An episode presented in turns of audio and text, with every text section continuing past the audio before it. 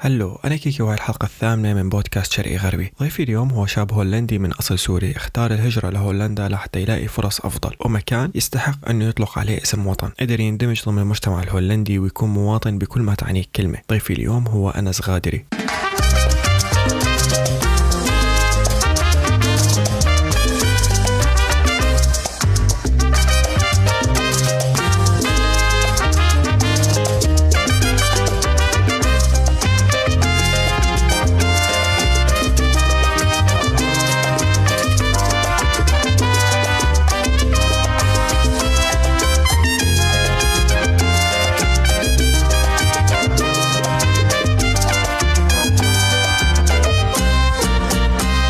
هلو أنس ممكن تعرفنا عن حالك؟ اسمي أنس عايش بهولندا بمدينة لاهاي تحديدا. عمري 23 سنة ولي حوالي سبع سنين في هولندا. أه بدرس شيء اسمه Business IT Management اللي هو اختصاص بهندسة كمبيوتر سنة ثالثة. أنت حاليا لك سبع سنين مقيم بهولندا تقريبا. قبل هولندا أنت كنت بالوطن العربي أو بالشرق الأوسط؟ ليش اخترت إنك تهاجر على هولندا؟ أو شو الشيء اللي خلاك تهاجر لهولندا؟ الشيء اللي خلاني هاجر على هولندا صراحة مستقبلي. يعني أنا لما جيت على هولندا كان عمري بحدود ال 17 ومثل كثير ناس آه، بالوطن العربي بشكل عام أحيانا بيكون المستقبل صعب تلحقه خصوص الدراسة. فهذا الشيء اللي خلاني أطلع على أوروبا كمبدأ بالبداية يعني. اخترت هولندا بشكل خاص يعني. فهذا بتوقع هذا الشيء الأساسي اللي خلاني آه، يعني أطلع على هولندا. شو الشيء اللي خلاك تختار هولندا تحديدا من أوروبا؟ هلا هولندا اجت بالصدفه من شان موضوع اللجوء إنه أنا أحسن أصلا تكون ولأنه كنت أصلا جاي قاصر فكان أفضل آه، محل مشان موضوع مش شمل مثلا هو هولندا. وصراحة ما كان عندي فكرة عن هولندا يعني هولندا ما كنت عارف عنهم كثير يعني إنه كبلد يعني. يعني مثلا كان في كثير بوقتها في ناس تروح على ألمانيا ناس تروح على محلات تانية. آه، بالصدفة البحتة صراحة إجيت على هولندا يعني. حكيت أنك إجيت على هولندا كشخص قاصر أو تحت السن القانوني، شو الشيء اللي بلشت فيه بعد ما وصلت هولندا؟ يعني شو الإجراءات اللي مريت فيها بعد وصولك لهولندا وخاصة أنك كنت قاصر لما وصلت لهون؟ أول شيء أنت لما بتيجي على هولندا بتقعد فترة بكامبات وبعدين بيطالعوك لما تصير فوق 18 بيطالعوك على بيت وهيك. بس الفكرة هون موضوع الدراسة كان كثير صعب لأنه بدك تتعلم لغة. وخصوصا لما كنت تحت 18 بيدخلوك مدارس تحت 18 للغة ومنها بيطالعوك على شيء معين بتروح بالبروسيس تبع إنه مثلا تدخل مهني وبعدين تدخل تطلع على الجامعة. أنا اختصرت الموضوع. كنت أوعى شوي قعدت فترة سنة وشوي درست اللغة بعدين طبقت 18 فقالوا لي إنه بدنا نحولك على إنه تدخل مثل هذا الطريق العادي. قلت لهم لا أنا طموحي إني أدرس بكالوريا بسرعة وأدخل جامعة. فقالوا لي لا أنت اجباري بدنا نعمل لك هذه القصة؟ إنه نحولك على ال process العادي. قلت لهم لا أنا فوق 18 بحق لي آه، ما بحق لكم تفرضوا علي شيء. كان الموضوع جدا صعب إنك تعرف شو بدك تعمل. لأنه اولا يعني أنا من الأوائل الناس اللي إجوا فكل المعلومات المتاحة صراحة ما كان في معلومات متاحة أو ما في طرق تعرف شلون تمشي أو تعرف وين بدك تروح بالضبط يعني. وبشكل عام هلا إنجليزيتي كان تمام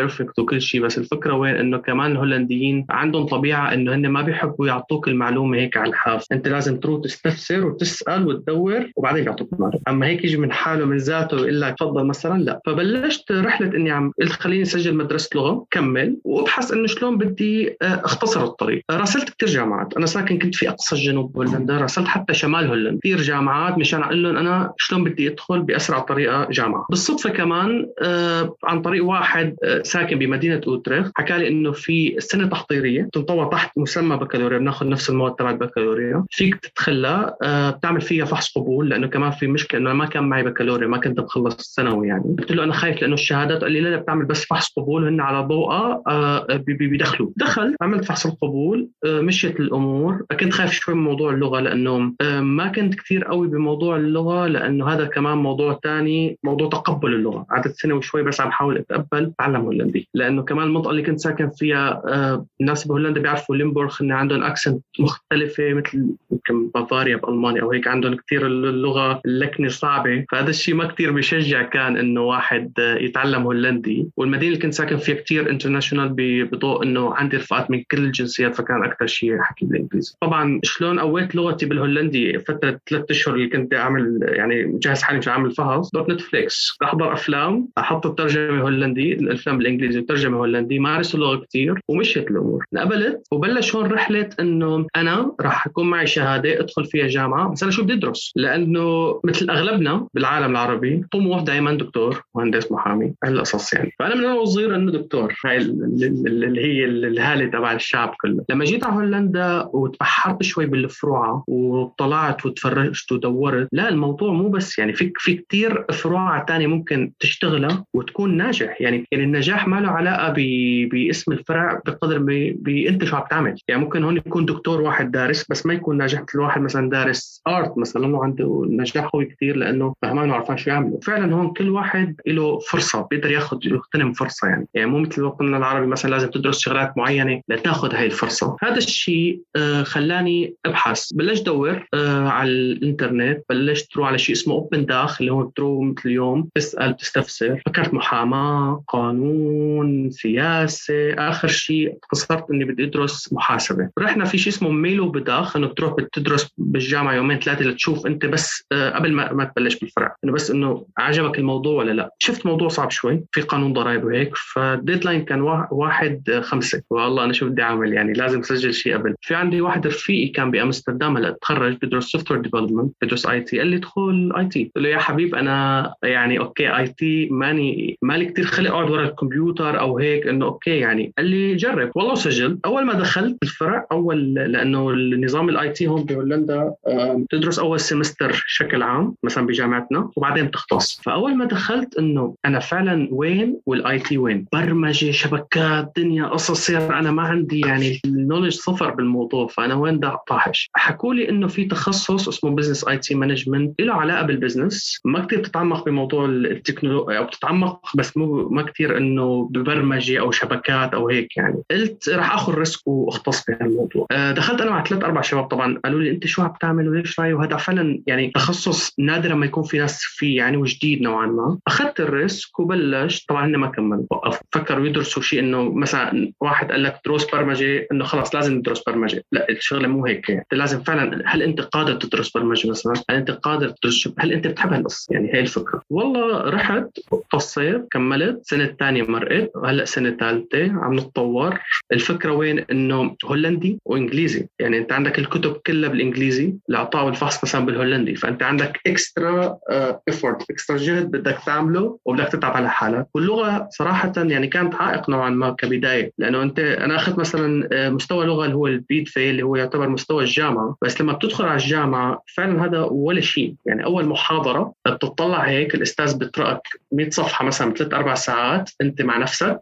أه حتى إذا بدي أسأل حدا يعني في واحد مثلا كنت عم بسأله مرة مرتين ثالث مرة قال لي جوجل تضايقت منه كثير بس بنفس الوقت أعطاني مفهوم صح قدرت بنيت كل دراستي عليه إنه فعلا أنا لازم جوجل أنا لازم أعتمد على حالي ولازم رو دور يعني هذا الفكر الصح إنه ليش لاستنى حدا ثاني ليعطيني الجواب أو. أو أستعين بحدا ثاني وهي الفكرة بالدراسة يعني إنه هون بيعتمدوا إنك تكون أنت كثير تعتمد على نفسك أو يعني دور بالأول. ما لقيت الجواب تعال لعنا بس مو إنك تجي لعنا فورا من البدايه ومبسوط بالفرع يعني صراحة؟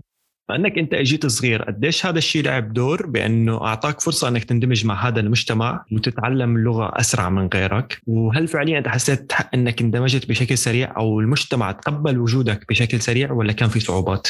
هلا الموضوع مو بس الصغر أنا بتوقع الموضوع بيعتمد على شخصية كل إنسان. يعني أنا كثير من الإنسان أنا كثير social كثير زيادة عن اللزوم. فبطحش يعني بطحش وبعرف حالي بعرف نفسي على الخلق وبحكي كثير فهاي الشغلة ممكن أثرت فيني إني اكون قادر اندمج.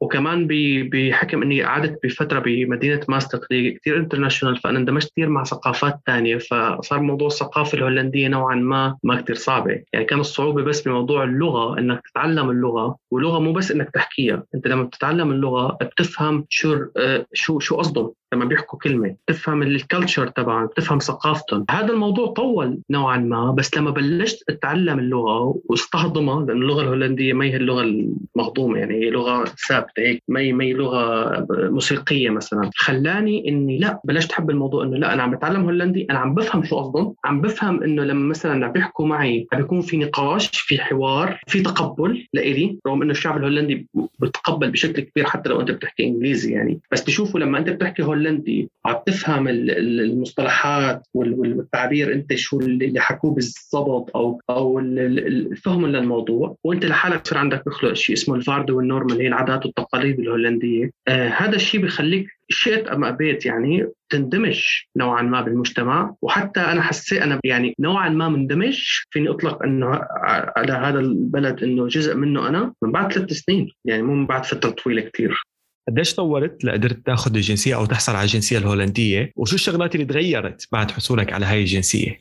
لو طولت معك أنت بعد خمس سنين تقدم على شيء اسمه اقامه دائمه بتطلع لك فورا. وبعدين ال process بياخذ معك سنة يعني عمليا ست سنين تقريبا وشوي أخذت الجنسية. بس الفكرة آه، صراحة الاختلاف الوحيد اللي حسيت فيه إنه أنا بقيان هون خلص أنا عرفان حالي إني راح ضل هون ما راح حدا يسترجي إنه إلي روح اطلع بقيان. حتى أنا لأنه آه، في فترة قبل الانتخابات اللي صارت الهولندية اللي راحت من كذا أسبوع في الانتخابات اللي كانت بال 2017 وقتها كان اليمين آه، شوي آه، تبع هولندا عم يطلع وعم ينادي بأنه الناس لازم يروحوا ويرجعوا محل بلادهم وهالحكي نوعا ما صار في خوف عندي. حتى أنا يوم تابعت الانتخابات إنه إن شاء الله ما هذا ما يطلع كثير بعد ما استلمت الباسبور حسيت إنه خلص أنا بقيان هون ما راح حدا يقول لي ما فيك ما تروح. ونوعا ما حسيت إنه أنا فعلا صرت مواطن. يعني إنه خلص أنا صرت جزء من هذا البلد. آه عندي حقوق عندي الحقوق وهالقصص كمان من قبل موجودة. بس إنه خلص إنه أنت فعلا فيك تقول حالك إنك صرت ابن هالبلد. يعني أنت صرت مواطن فعلي هذا البلد. مو بس لأنه الباسبور أو الجنسية حملته. لا يعني في ناس حتى بيسمعوا الباسبور أو الجنسية بس هن ما بيكونوا ابن البلد. أنا حملت الباسبور والجنسية بس أنا حملت المواطنة كفكر مواطنة. دخلت بهالمجتمع من قبل. فحسيت إنه الجنسية هي كانت مثل achievement لإلي إنه مثل إنجاز أو هيك إنه استحقاق تمام استحقاق لإلي إنه أنت صرت مواطن فعلا.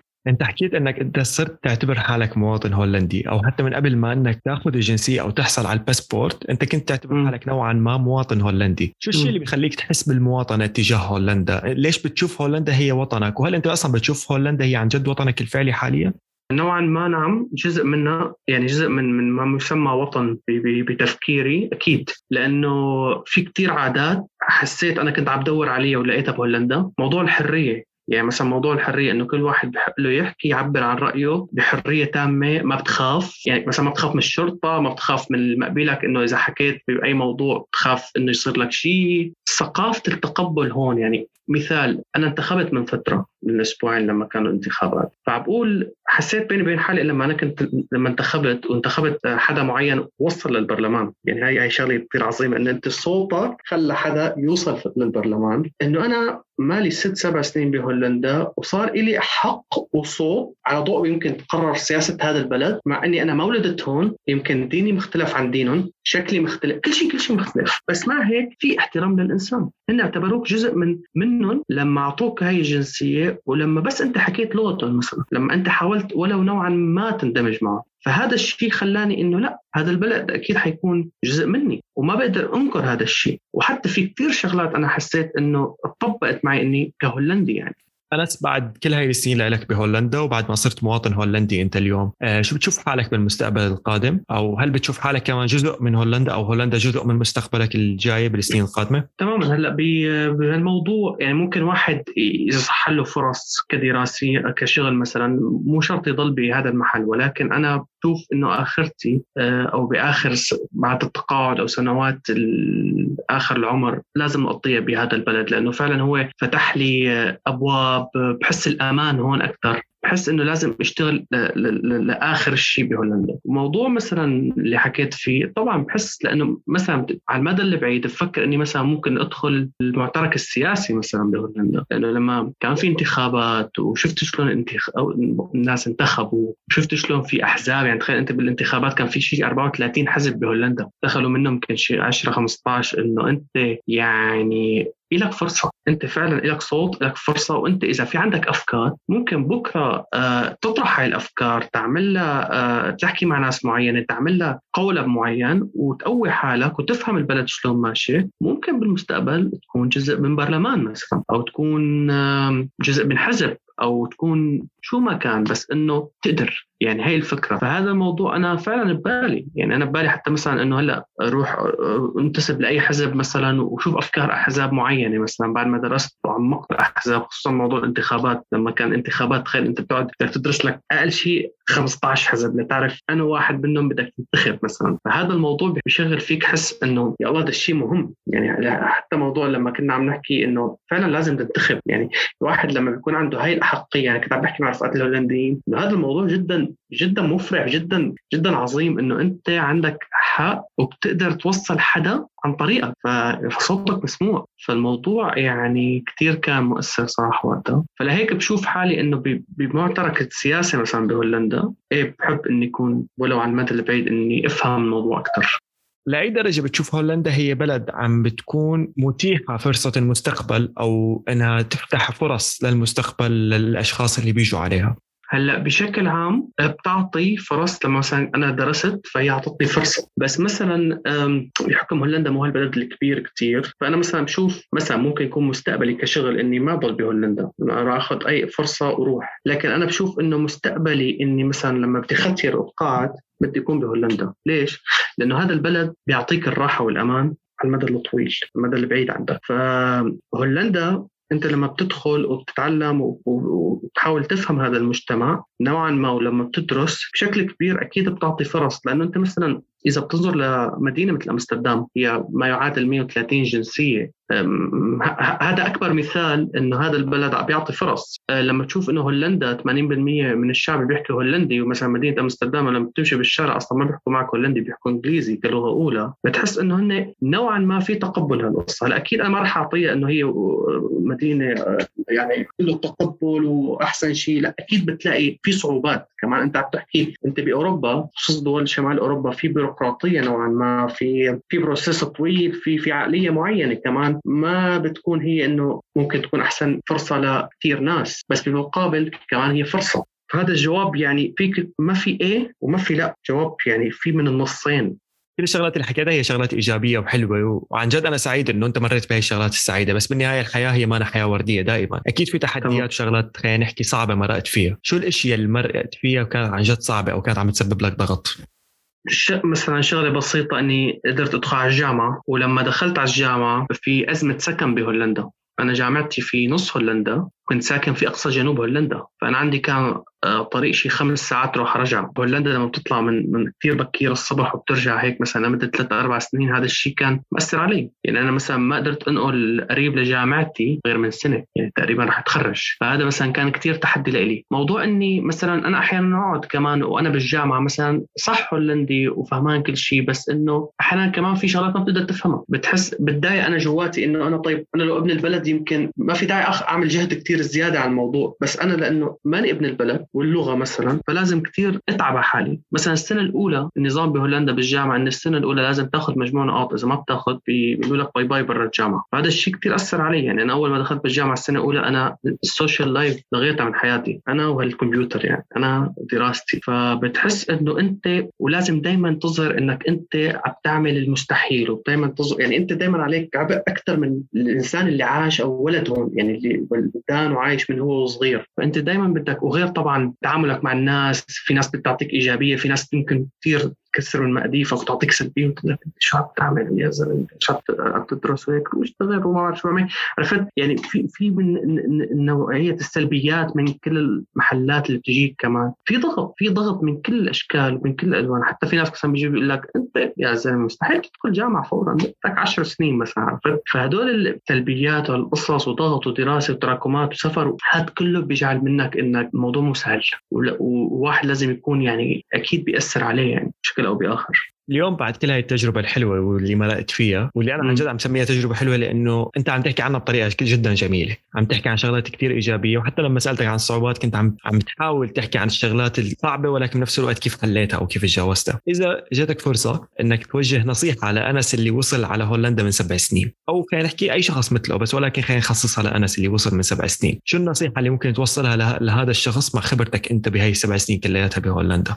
النصيحة إنه ما تعقدها كثير يعني يعني أنا مشكلتي بعقدها أحيانا كثير مثلا أنا تعبت كثير على حالي أكيد إذا بدي أعمل التجربة برجع بعيدها من أول جديد بس ممكن النصيحة مو بس ما أعقدها كثير النصيحة كمان أبعد عن الناس السلبيين حولي لأنه هدول فعلا أنا ما كثير بتأثر بالموضوع بس لما بكون في كثير ناس سلبيين أو في ناس أنت صراحة بتتضايق ليش تعرفت عليهم أصلا يعني ليش خليتهم أصلا بحياتك فبتوقع هاي النصيحة اللي بعطيها اللي اللي من سبع سنين. خصوصا اني كنت جاي صغير فموضوع أثر فيني نوعا ما يعني ما يعني يعني خلاني أكبر على السريع كما بيقولوا. فبتوقع هاي نصيحة إنه لو أنا في ناس كثير كنت تفاديتهم من حياتي يمكن في شغلات كثير تضايقت منها كنت ما تضايقت فيها يعني ما, ما كنت فكرت فيها انس أنا عن جد مبسوط بأنك كنت معي اليوم. أنت ضيف آه، عن جد لطيف وإيجابي. وأنا جدا آه، سعيد بأنك كنت الضيف تبع حلقة اليوم. سعيد بانه سمعت تجربتك أنا والناس اللي عم بيسمعوا البودكاست. تجربتك كانت جدا إيجابية وعن جد آه، فيها كثير تفاصيل. فعليا هي تفاصيل نجاح وقصة نجاح لشاب طموح شاب هاجر غير بلده غير وطنه أو بالأصح لقى وطنه الجديد واللي فعليا حس فيها بالمواطنة. أنا بشكرك أنك كنت معي بحلقة اليوم. الحلقة كانت جدا بالنسبة لي لطيفة وإيجابية وسعيدة. شكرا لك أنس ولوجودك أنا بشكرك كثير وفعلا فرصة كثير حلوة وأنا يعني سعيد أنه آه، في مواهب مثلك أنه عم تطرح هيك قضايا أو تناقش هيك قصص وبتمنى لك إنه فعلا نجاح أكثر وأكثر بهالبرودكاست. وصراحة التجربة أنا أول مرة بعمل برودكاست يعني بكون برودكاست مع حدا فالموضوع كان كثير وبتمنى اني اكون ضفت لك شيء بهاي التجربة تبعتي وللمستمعين. أكيد أكيد. بالنهاية كانت تجربة عن جد مميزة. شكرا أنس. شكرا لاستماعكم للحلقة هاي. الحلقة القادمة حتكون الأخيرة وهي حلقة خاصة من برنامج شرقي غربي. راح تكون عن كل التجارب كل الضيوف وعن تجربتي أنا كمان. شكرا لاستماعكم للحلقة. هاي من برنامج شرقي غربي. هذا البرنامج من إعداد وتقديم علي كيكي ومن إنتاج بودكاست سوالف. بتقدروا تسمعونا على كل منصات البودكاست وكمان بتلاقونا على ال social media. بودكاست سوالف.